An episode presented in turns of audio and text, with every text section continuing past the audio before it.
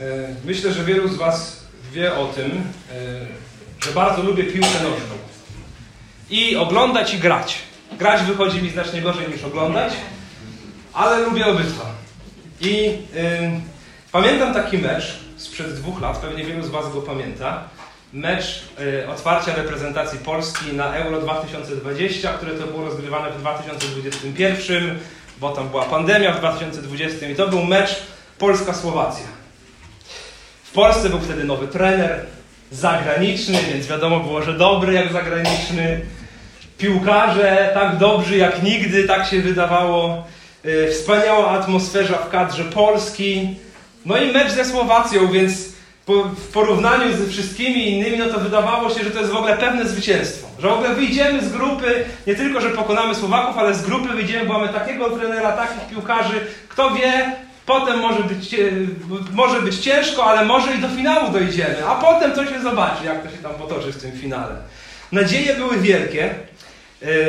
Bo porównywaliśmy się z innymi, mówiliśmy, no mamy lepszego napastnika, lepszych pomocników, bramkarza, trenera, wszystko jest lepsze, a od Słowaków to już na pewno. Pamiętam atmosferę, jaka panowała pośród y, gdzieś tam moich znajomych, kolegów, z którymi nakręcaliśmy się na ten turniej piłkarski. Pamiętam, jak się spotkaliśmy, chyba we 20 osób, żeby ten mecz oglądać. E, I po paru minutach już było jasne, że nasze nadzieje okazywały się płonne i mecz ten przegraliśmy 2-1, y, a zajęliśmy ostatnie miejsce w grupie i nigdzie dalej tam nie przeszliśmy. Wielka to było tak wielkie rozczarowanie. I taką rzeczą, która gubi y, kibiców sportowych i zawodników, ale tak naprawdę jest związana chyba z każdą dziedziną życia, rzecz, która często nas gubi, to jest nadmierny optymizm.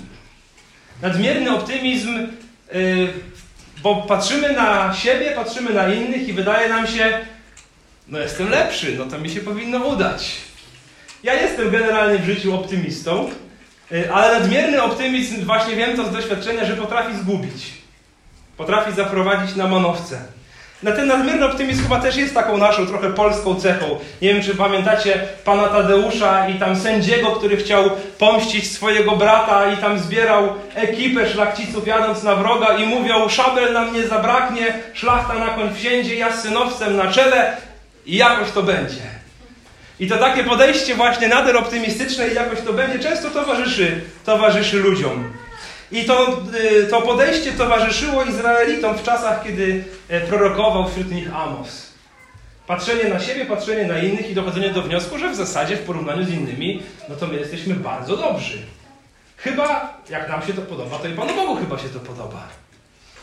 Nadmierny optymizm w kwestiach duchowych rzeczywiście potrafi być bardzo, bardzo zgubny. To jest nasz trzeci tydzień z księgą Amosa. Przeczytamy dzisiaj krótszy tekst niż w minionych tygodniach. Dla tych, którzy może nie słuchali wcześniejszych kazań, czy nie byli tutaj obecni, nie byli tutaj obecni, Księga Amosa, księga napisana około 760 roku przed Chrystusem, napisana do północnego królestwa, czyli właśnie do Izraela, e, gdzie to królestwo jest w czasach prosperity, ludzie czują się bezpiecznie, odbywa się handel, bogaci się bogacą. Niestety ci bogaci też uciskają biedniejszych Izraelitów. E, I chociaż stan taki e, ekonomiczny Izraela jest bardzo dobry, to stan duchowy jest tragiczny. I Bóg mówi przez Amosa, że nadejdzie sąd na Izraela. Sąd z powodu porzucenia Boga, który ich poznał. Sąd z powodu bałwochwalstwa, z powodu braku poszanowania Słowa Bożego, z powodu właśnie wyzyskiwania biednych Izraelitów przez bogatych. Bóg ma nadejść ze swoim sądem i mówi o tym co kilka wersetów. Mówi o tym, że miarka się przebrała z powodu trzech i z powodu czterech grzechów ześle swój sąd. Miarka się przebrała. I prorok Amos wzywa odbiorców tej księgi, aby zaczęli liczyć się z Bogiem. Bo on jest jak lew, który zagrzmiał, który zaryczał, po to, aby ludzie się nim przejęli, aby zawrócili z tego złego miejsca, w którym się znaleźli, aby przyszli do niego i zaczęli szukać prawdziwego Boga, aby poznali go tak, jak on poznał ich, aby przylgnęli do niego, aby żyli wedle jego woli, a nie swoich zachcianek. I dzisiaj będziemy czytać fragment z piątego rozdziału od wersetu 16 e, do końca rozdziału 6, więc półtora rozdziału. 5, 16 do 6, 14. Dlatego tak mówi Pan Bóg zastępów. Pan.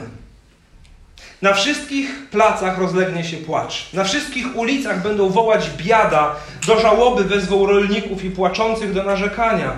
Ze wszystkich winnic rozlegnie się zawodzenie, gdyż przejdę pośród Ciebie, mówi Pan.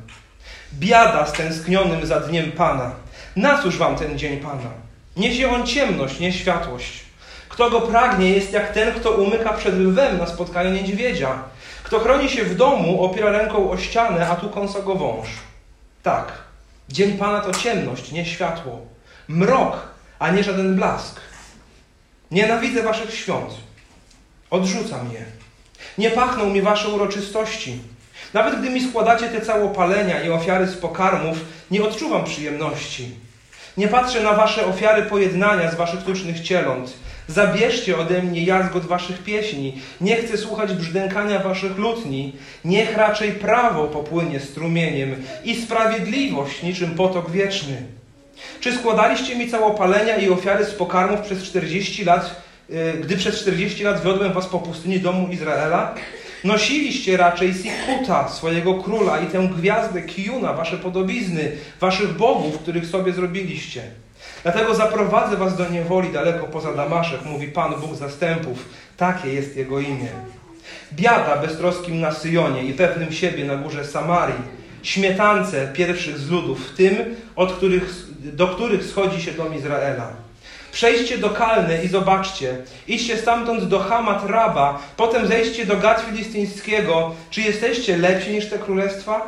Czy wasz obszar jest większy niż ich?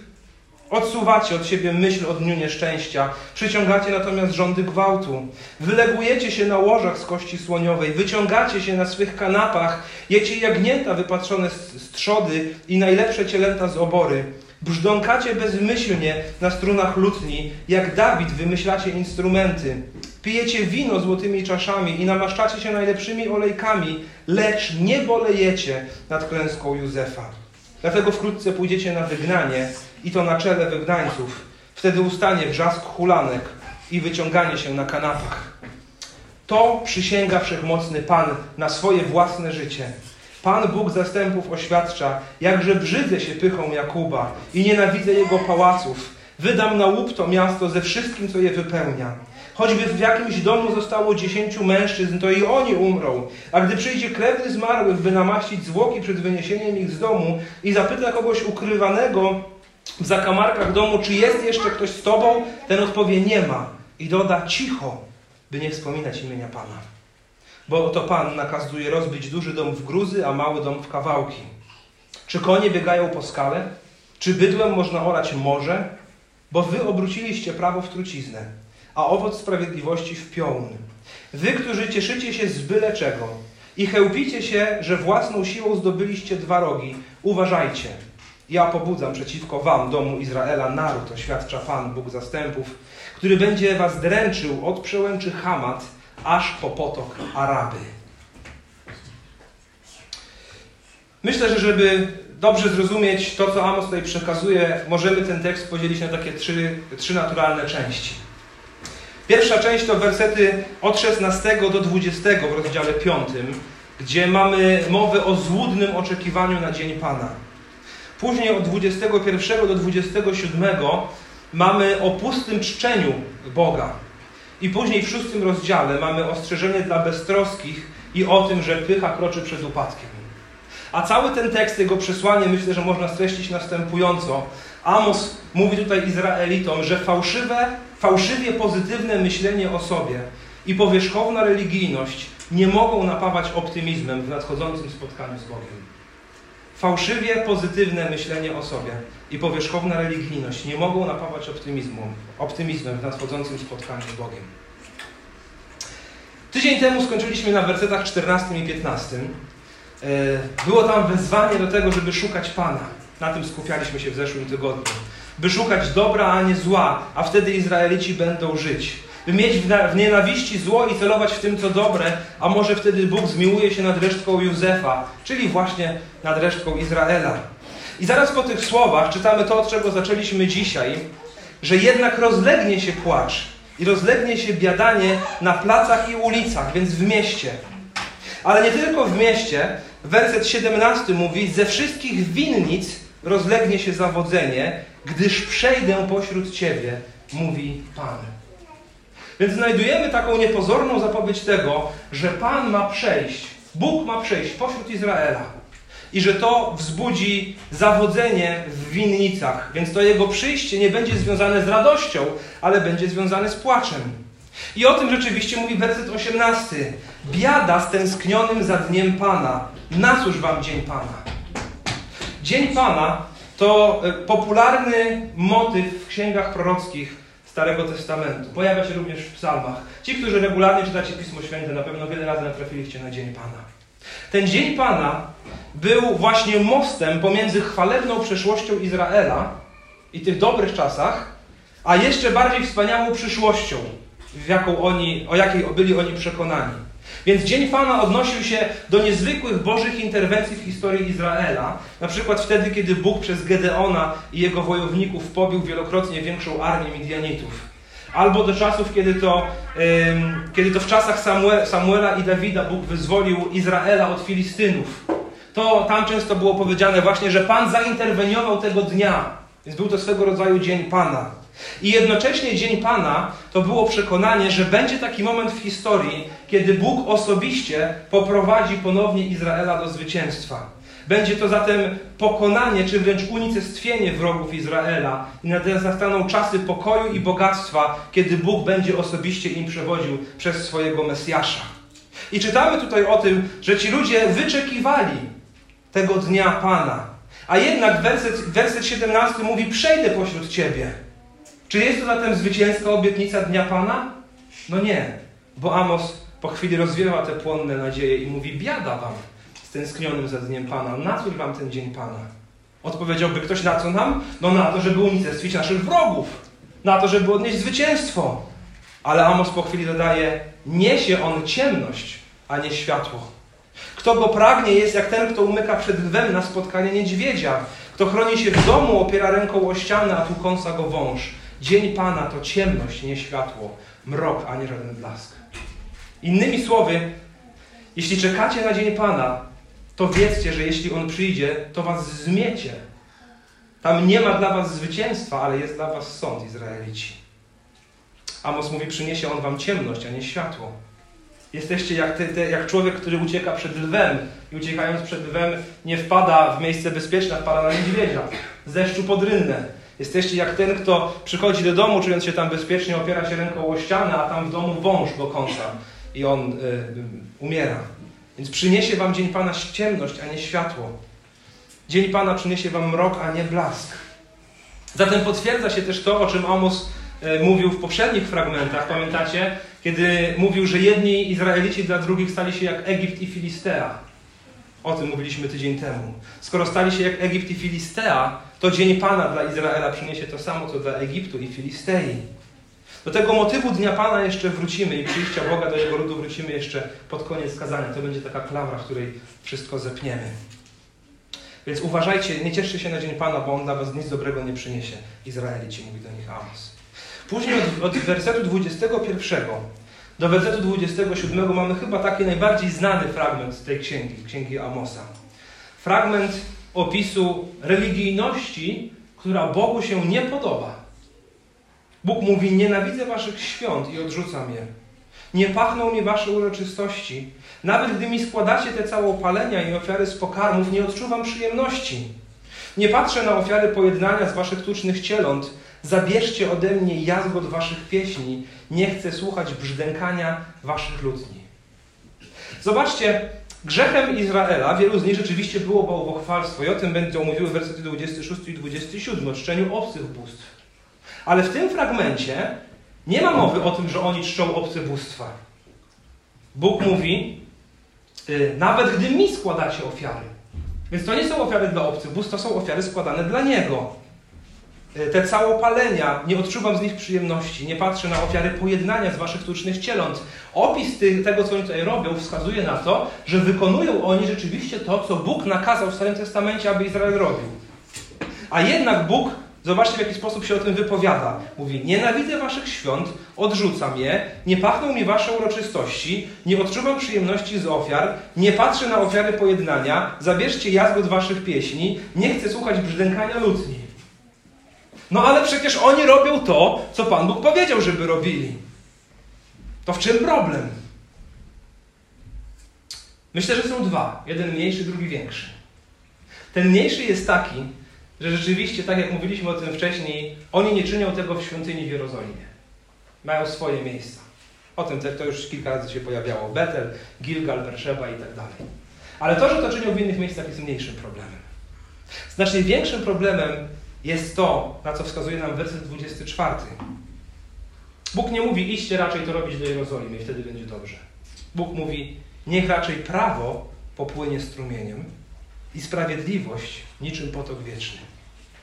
To znaczy, jeśli serce nie idzie za tym, to wasze wszystkie obrządki religijne, choćby i nawet poprawne, nie mają żadnego znaczenia.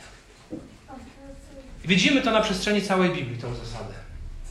Że Bogu nie chodzi o pusty uczynek religijny, nawet jeśli on jest poprawny.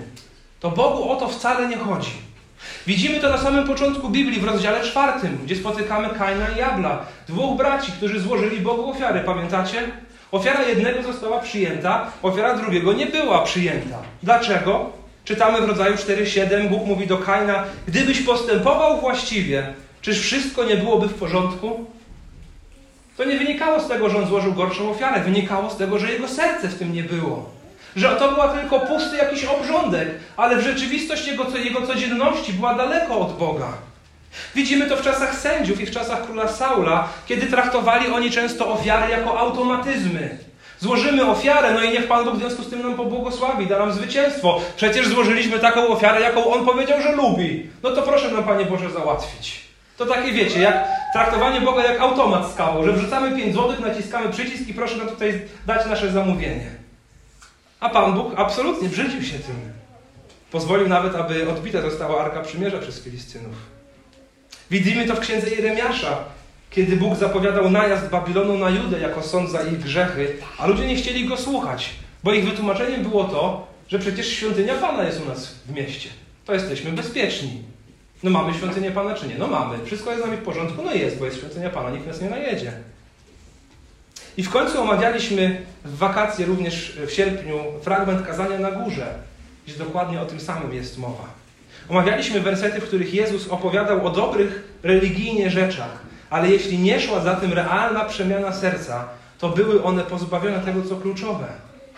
Jeśli y, serce w tym nie było, to nie była to wcale bogobojność, ale pusta religijność, pusta forma, może i ładna forma, ale pusta, taka, która nie ma właściwej treści i w związku z tym Bogu się nie podoba. Widzimy to w osobach faryzeuszów w Ewangeliach. Bardzo religijnym stronnictwie żydowskim, składającym ofiary, składającym obfite dziesięciny, robiącym wiele ponad to, o czym mówiło prawo Starego Testamentu. I jednocześnie to oni byli tymi, z którymi Jezus najczęściej wchodził w konflikt. W zasadzie, jeśli chodził z kimś konflikt, to właśnie z nimi krytykując ich za to, że oni w ogóle chodzą tak pieczołowici w różnych przykazaniach, a rozmijają się z najważniejszymi. Miłuj Boga z całego serca swego, a bliźniego swego jak siebie samego. Nie rozumieli, o co w tym wszystkim chodzi. Byli bardzo pyszni z powodu spełnionych religijnych uczynków, z powodu wie, spełnienia wielu przykazań, jednocześnie uchybiając w tym, co kluczowe. I cała Biblia jest pełna opisu takich ludzi.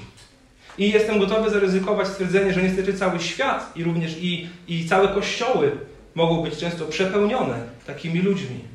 Ten problem wielu Żydów w księdze Amosa właśnie było między innymi to, że oni oddawali cześć obcym bóstwom, a jak już oddawali cześć prawdziwemu Bogu, to nawet jeśli używali poprawnych form, był to tylko rytualny obrządek. Nie szło za tym serce. I porównywali się z innymi religiami i dochodzili do wniosku, no skoro wiemy, gdzie jest prawdziwy Bóg i skoro wiemy, kim jest prawdziwy Bóg, to chyba wszystko jest z nami w porządku. No wcale nie. No wcale tak nie musi być. Ktoś ładnie kiedyś powiedział, to podobno ewangelista Billy Sunday w, w latach przedwojennych, powiedział, chodzenie do kościoła czyni cię chrześcijaninem dokładnie tak samo, jak chodzenie do garażu czyni ciebie samochodem. Bardzo lubię ten cytat. Chodzenie do kościoła czyni ciebie chrześcijaninem dokładnie tak samo, jak chodzenie do garażu czyni ciebie samochodem. Czyli w ogóle nie chodzi. Wchodząc do garażu nie stajemy się samochodem. To, że chodzimy do kościoła, czy chodzimy na nabożeństwa, wcale nie sprawia, że jesteśmy chrześcijanami. Czytaliśmy na początku kazanie na górze, rozdział siódmy. Kończy się ono tymi słynnymi wersetami, które mówią: Nie każdy, kto się do mnie zwraca, Panie, Panie, wejdzie do Królestwa Niebios. Wejdzie tam tylko ten, kto pełni wolę mojego Ojca, który jest w niebie. Zobaczcie, samo mamy tutaj w księdze Amosa. Oni mówią do Boga, Panie, Panie, oni składają Mu ofiary takie, jakie Bogu się powinny podobać.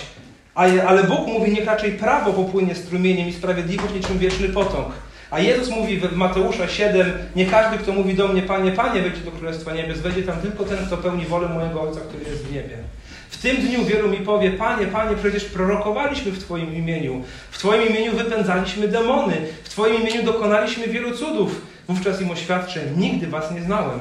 Odejdźcie ode mnie, wy wszyscy, którzy dopuszczacie się bezprawia. To jest ten sam problem dzisiaj. Ten sam problem wielu milionów ludzi dzisiaj. Problem bazowania swojego zbawienia na podstawie tego, że ja pójdę w niedzielę do kościoła, więc chyba to Bogu wystarczy. Może w naszym bardziej baptystycznym wydaniu, to że poczytam Biblię, no przecież Bogu się podoba, żebym czytał Biblię, no nie? To chyba, chyba Pan Bóg jest ze mnie zadowolony. No pomodlę się, no to chyba Bóg chce, żebym się modlił, to chyba to Bogu wystarczy. No mam służbę, angażuję się, no to chyba to Bogu wystarczy. No a właśnie nie wystarczy, jeśli to jest tylko to. Amos mówi, niech raczej prawo popłynie strumieniem i sprawiedliwość niczym potok wieczny. Tak, Bóg chce, abyśmy noczęszczali do zboru, czytali Biblię, modlili się, mieli służby i tak dalej. Ale to nie jest sednem chrześcijaństwa. Można robić te wszystkie rzeczy i ostatecznie usłyszeć, nigdy Cię nie znałem. Niech raczej prawo popłynie strumieniem i sprawiedliwość niczym potok wieczny. A skąd to prawo i skąd ta sprawiedliwość ma płynąć? Ten werset tego wprost nie mówi. Ale tak dużo jest tych wersetów tak podobnie brzmiących, że chyba wiemy, że tu chodzi o serce człowieka. O wnętrze, o duszę, o sedno tego, kim naprawdę jesteśmy. Niech prawo popłynie strumieniem, a sprawiedliwość niczym potok wieczny. A w jaki sposób to ma z nas popłynąć? Bo ktoś mógłby powiedzieć, no tak, czyli chodzi o to, że jak jestem kolokwialnie mówiąc, dziadem, to mam się poprawić i wtedy Pan Bóg będzie zadowolony, tak? Jak będę bardziej prawie postępował. To wtedy popłynie z mego serca sprawiedliwość, tak? No nie. Bo widzicie, sprawiedliwość i to prawo nigdy nie popłynie z serca człowieka, jeśli Bóg tego serca nie zmieni. Jeśli nie, On nie przeobrazi go z takiego jedynie religijnego na takie, które rzeczywiście Go kocha na takie, które rzeczywiście Jemu ufa, na takie, które rzeczywiście szuka nadziei na zbawienia nie w sobie, będąc nader optymistycznym, bo patrzy na siebie i porównuje się z innymi, ale na takie, które rozumie, że Boże, nie mam nic, co bym mógł Tobie dać. I w porównaniu z innymi tak naprawdę jestem jeszcze gorszy. Gdyby oni znali moje myśli i moje pragnienia i tak dalej, i tak dalej, to w szczerości mogę powiedzieć, nie jestem lepszy. I jedyna moja nadzieja jest na tym, że przychodzę do Ciebie i wołam, Boże, ratuj mnie. Jest w sercu, które rozumie, że cała Jego sprawiedliwość dająca Mu bilet do nieba nie jest Jego sprawiedliwością, ale jest sprawiedliwością Bożą. I niezwykłe właśnie jest to. Amos, czy Bóg mówi przez Amosa, niech prawo popłynie strumieniem, a sprawiedliwość niczym potok wieczny. Jakieś 800 lat po wypowiedzeniu tych słów Jezus Chrystus siedział z Samarytanką przy studni. Mówi o tym Ewangelia Jana czwarty rozdział.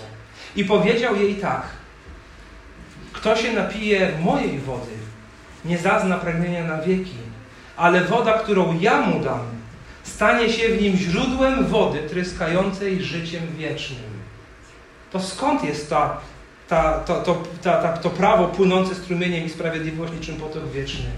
No to tylko Jezus może dać. On mówi, kto się napije tego, co ja mu daję, to stanie się w nim to źródłem wody tryskającej życiem wiecznym. A trzy rozdziały dalej, w Jana 7 czytamy, jak Jezus mówi, kto wierzy we mnie, z jego wnętrza popłyną rzeki wody żywej. Tu nie chodzi o to, żeby się postarać bardziej. Tu chodzi o to, żeby przyjść do Jezusa. To On musi dokonać w nas zmiany. I wtedy rzeczywiście ta sprawiedliwość i to prawo może popłynąć strumieniem wiecznym i niewysychającym. Jezus odniósł się do tych słów, mówiąc: To jest we mnie. Oto jest sedno chrześcijaństwa, sedno tego, co głosimy. Uwierz w Jezusa. Uwierz w Jezusa, to na Nim oprzyj swoje zbawienie. Nie jako tym, który jedynie je umożliwia, ale jako tym, który je otwiera, zapewnia i pieczętuje i mówi doprowadzę Cię do końca. To On jest drogą i prawdą i życiem. Kto ma Syna, ma żywot wieczny. Kto nie ma Syna, nie ma żywota wiecznego. Wszystkie te religijne obrządki mają sens tylko wtedy, gdy mamy Syna. Bez Niego są na nic przydatne. Na nic przydatne. Tu chodzi o to, by być poznanym przez Niego. I tu chodzi, aby poznać Jego. Tu chodzi o to, by być znalezionym przez Niego. I tu chodzi o to, aby znaleźć Jego. Tu chodzi o prawdziwe uwielbienie Boga, a nie o odprawienie rytuału, mniej lub bardziej poprawnego. To wszystko jest tylko w Jezusie.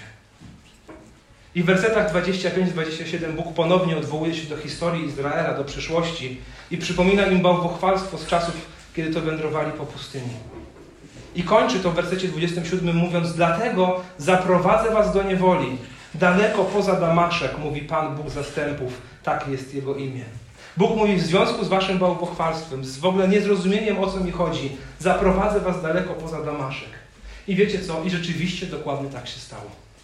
30 lat później Asyria najechała północne królestwo Izraela i zdobyła to królestwo. I zabrała, e, i Asyryjczycy zabrali tych ludzi. Czytamy o tym w drugiej królewskiej 17:6. W dziewiątym roku panowania Hoszei król Asyrii zdobył Samarię, uprowadził ludność Izraela do Asyrii i osiedlił ją w Helach nad Chaborem, rzeką Gazonu oraz w miastach medyjskich, daleko poza Damaszek. Dokładnie to, co Bóg im zapowiedział tutaj w 5.27, spełnił 30 lat później. Czy rzeczywiście uwielbiamy prawdziwego Boga? I nie chodzi tu o formę. Chodzi tu o serce. Rozdział szósty to ostrzeżenie dla beztroskich i podkreślenie, że pycha kroczy przed upadkiem. Pewnie macie tak jak ja. Nie wiem, nie wiem co Was denerwuje, ale mnie jedną z rzeczy, która denerwuje niesamowicie i to tak bardzo szybko podpala, jest y, bezmyślność. Jak ktoś robi coś bezmyślnego, albo nie daj Boże, ja się przyłapię na tym, że robię coś bezmyślnego, takiego po prostu głupiego, bez przemyślenia, strasznie mnie to denerwuje. Nie, nie wiem dlaczego akurat to, ale bezmyślność mnie doprowadza po prostu do, do, do czerwoności. Bezmyślność jest dla mnie straszną cechą. I rozdział szósty właśnie mówi o ludziach bezmyślnych, bezmyślnych duchowo. W wersecie pierwszym czytamy, że są oni, yy, yy, że są oni przekonani, że ich bogactwo i status zapewnią im dobro, dobrobyt i bezpieczeństwo na długo. Biada beztroskim na Syjonie, pewnym siebie na górze i Samarii, śmietance pierwszego z ludów, yy, tym, do których schodzi się dom Izraela. Oni są dumni ze swojego bogactwa i jednocześnie są beztroscy. Amos z sarkazmem mówi właśnie o nich jako śmietance Samarii. Beztroskich, którzy w wersecie czwartym czytamy, że wylegują się na łożach z kości słoniowej i wyciągają się na swoich kanapach. W wersecie drugim czytamy, że są to ludzie, którzy lubią się porównywać z innymi. I Bóg mówi, to idźcie i się porównajcie i zobaczcie, czy jesteście lepsi niż te królestwa, te pogańskie. No, pytanie jest retoryczne, ale odpowiedź brzmi, wcale nie jesteście lepsi. To jest mowa tutaj o ludziach, którzy zajmują się brzdąkaniem na instrumentach, wylegując się na kanapach i popijając wino i namaszczając się olejkami. Takie lenistwo, splendor i właśnie duchowa bezmyślność, nadmierny optymizm o sobie. W wersecie ósmym Bóg mówi, że cechuje ich pycha. Jakże brzydzę się pychą Jakuba i nienawidzę jego pałaców. W wersecie 13 czytamy, że chełpią się, cieszycie się z byle czego.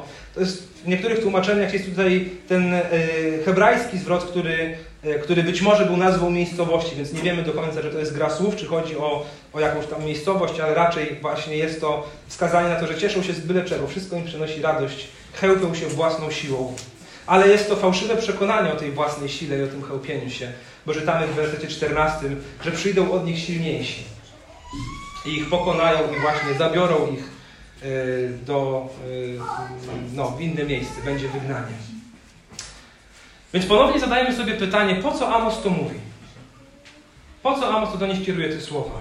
No kieruje to do nich po to, aby ich obudzić z duchowego snu, aby ich wybudzić z duchowego lenistwa, aby zdali sobie sprawę, że oni w ogóle nie są bezpieczni, że tak naprawdę są bardzo biedni i bardzo słabi, że, że duchowo są uśpieni.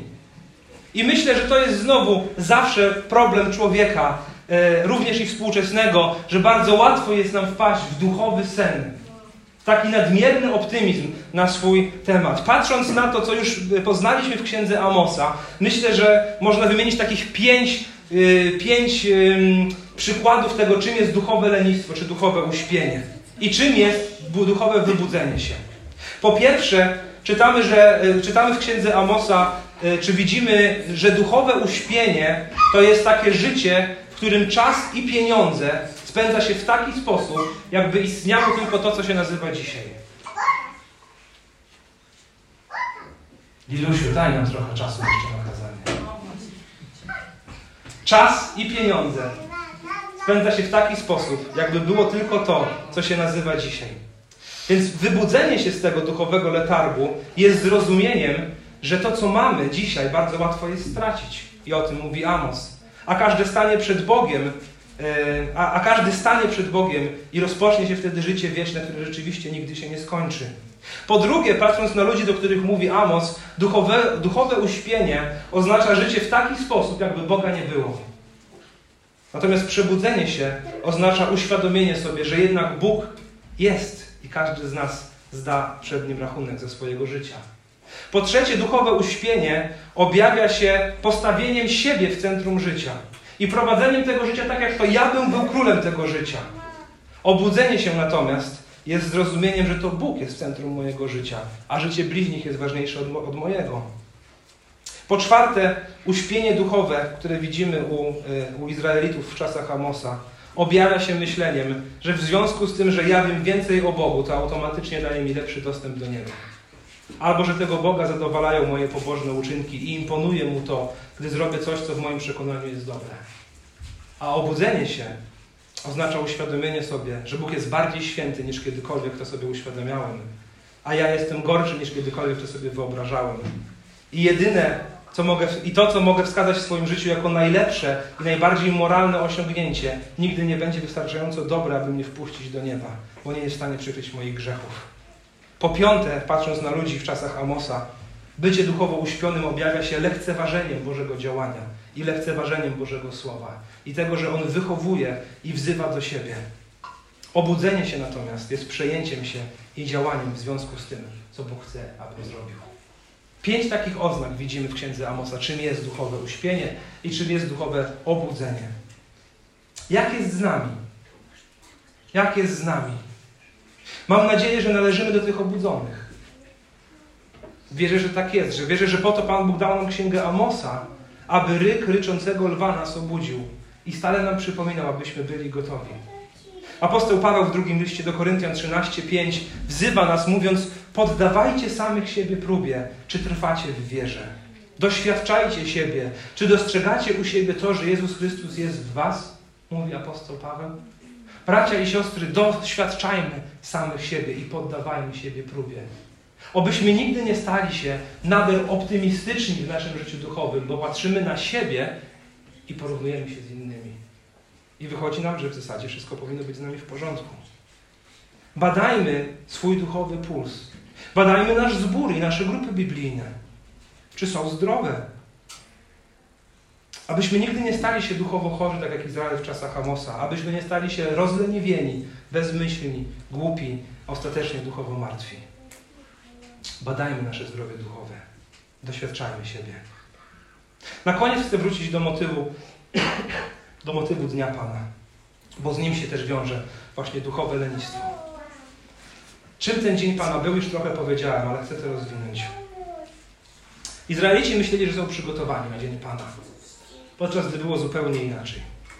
Bo mieli złe wyobrażenie o tym dniu, bo myśleli o tym dniu w kontekście narodowym, a nie w kontekście duchowym Myśleli, że to będzie dzień zwycięstwa nad wrogami narodowymi, a nie dzień zwycięstwa nad grzechem, w który byli uwikłani. Więc w 5.17 czytamy: Ze wszystkich winnic rozlegnie się zawodzenie, gdyż przejdę pośród Ciebie, mówi Pan. I werset 18 mówi: Biada stęsknionym za dniem Pana. Na cóż wam dzień Pana niesie światłość i ciemność. Więc drodzy, czy Bóg przeszedł przez Izraela? I czy dzień Pana już nadszedł, czy też czekamy na jego wypełnienie? Odpowiedź brzmi tak i nie. Księga Malachiasza, to teraz może będzie taki trochę trudniejszy fragment ale jeśli ktoś czyta regularnie Słowo Boże, to, to myślę, że mu się wszystko połączy w kropki, a postaram się mówić na tyle prosto, aby ci, którzy może jeszcze do niektórych fragmentów nie dotarli, aby to, to się połączyło. Księga Malachiasza, ostatnia księga Starego Testamentu, kończy się zapowiedzią, że przed dniem Pana przyjdzie prorok Eliasz, aby zwrócić serca ojców ku synom i serca synów ku ich ojcom. A potem mamy 400 lat ciszy, kiedy Bóg nie przemawia przez swoich proroków. I nagle w Ewangelii Łukasza możemy czytać o tym, jak to nagle e, e, kapłanowi Zachariaszowi e, objawił się anioł. Czytamy ten tekst w czasie Adwentu, będziemy go czytać w grudniu w naszym zborze. I czytamy tam, jak Zachariasz mówi, że, jak anioł mówi Zachariaszowi, że urodzi mu się syn. I ten syn pójdzie przed Bogiem w duchu i z mocą Eliasza, aby zwrócić serca ojców ku dzieciom, a nieposłusznych doprowadzić do rozsądku sprawiedliwych, by w ludzie wzbudzić gotowość na przyjęcie Pana. Więc okazuje się, że to proroctwo z księgi Malachiasza ma się wypełnić. Ma nadejść ten, który pójdzie w duchu Eliasza, bo Bóg przyjdzie. Bo Pan do nich przyjdzie. Dokładnie tak, jak zapowiadał to Amos. I potem mamy Jana Chrzciciela, który jasno wskazuje, że Jezus jest tym Panem, który nadszedł. Wydawać by się mogło, że to dzień Pana. Dzień wybawienia Izraela i pokonania jego wrogów. I zobaczcie, rzeczywiście wielu współczesnych Jezusowi tego od Niego oczekiwało. Pamiętacie, nawet jego uczniowie do Niego mówią, kiedy odbudujesz Królestwo Izraela? To kiedy będzie ten dzień Pana, kiedy zwojujemy naszych wrogów? Ale spełnienie o Dniu Pana, który zapoczątkował Jezus, nie polegało na zniszczeniu okupanta, ale na zniszczeniu kogoś znacznie bardziej groźnego. Na zniszczeniu grzechu, śmierci i szatana. Wrogami Jezusa nie był Rzym, ale była właśnie uczynkowa, powierzchowna religijność. Gorliwi faryzeusze byli tą grupą, która była najbardziej przez niego krytykowana. Takim ostatecznym ciosem w nich wymierzonych było po pierwsze to, jak Jezus zrobił bicz, pamiętacie, ich wypędził ze świątyni. Wszystkich tych, którzy właśnie hańbili tamto miejsce. Ale na dwa dni przed swoją śmiercią, w Jerozolimie będąc, powiedział im pewną przypowieść o winnicy Pana. Pamiętacie? Gdzie Izrael był porównany do winnicy. I Bóg ją wydzierżawił. Właśnie ci, ci przywódcy religijni mieli być tymi, którzy byli dzierżawcami. I Bóg oczekiwał owoców i posyłał swoich pracowników, aby odebrali te owoce od dzierżawców. Ale oni tych proroków pobili, niektórych zabili, w końcu posyła swojego syna, a oni i jego zabili.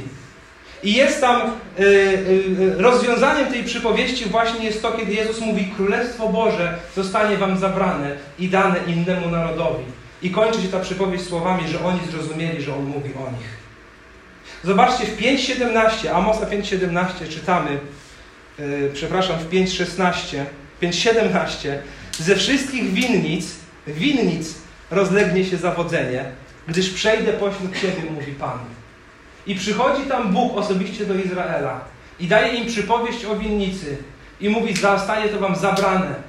I czytamy o tym, jak faryzeusze doprowadzeni są do czerwoności i do gniewu i wściekłości. I chociaż nie słyszymy tam wprost zawodzenia, to jednak wierzę, że jest tam zawodzenie. Zawodzenie i złość z powodu tego, co Jezus im powiedział. Pan przeszedł przez swoją winnicę, jaką był Izrael i rozległo się zawodzenie przywódców religijnych, którym odebrane zostało Królestwo Boże. Ich los został zapieczętowany. Nadszedł dla nich dzień Pana, dzień sądu nad nimi, kiedy Jezus biczem wypędził ich ze świątyni. Nastał dzień Pana, kiedy to ich pycha i duma, jaką była świątynia, stała się bezużyteczna, gdy zasłona została rozerwana od góry do dołu, a 40 lat później zburzona. Nastał dzień Pana dla szatana, który został pokojo, po, pokonany i rozbrojony. Nastał dzień Pana dla grzechu, który w całości został przebaczony wszystkim wierzącym. Nastał dzień Pana dla śmierci, której nie musimy się już bać, jako ci, którzy czekają na życie wieczne.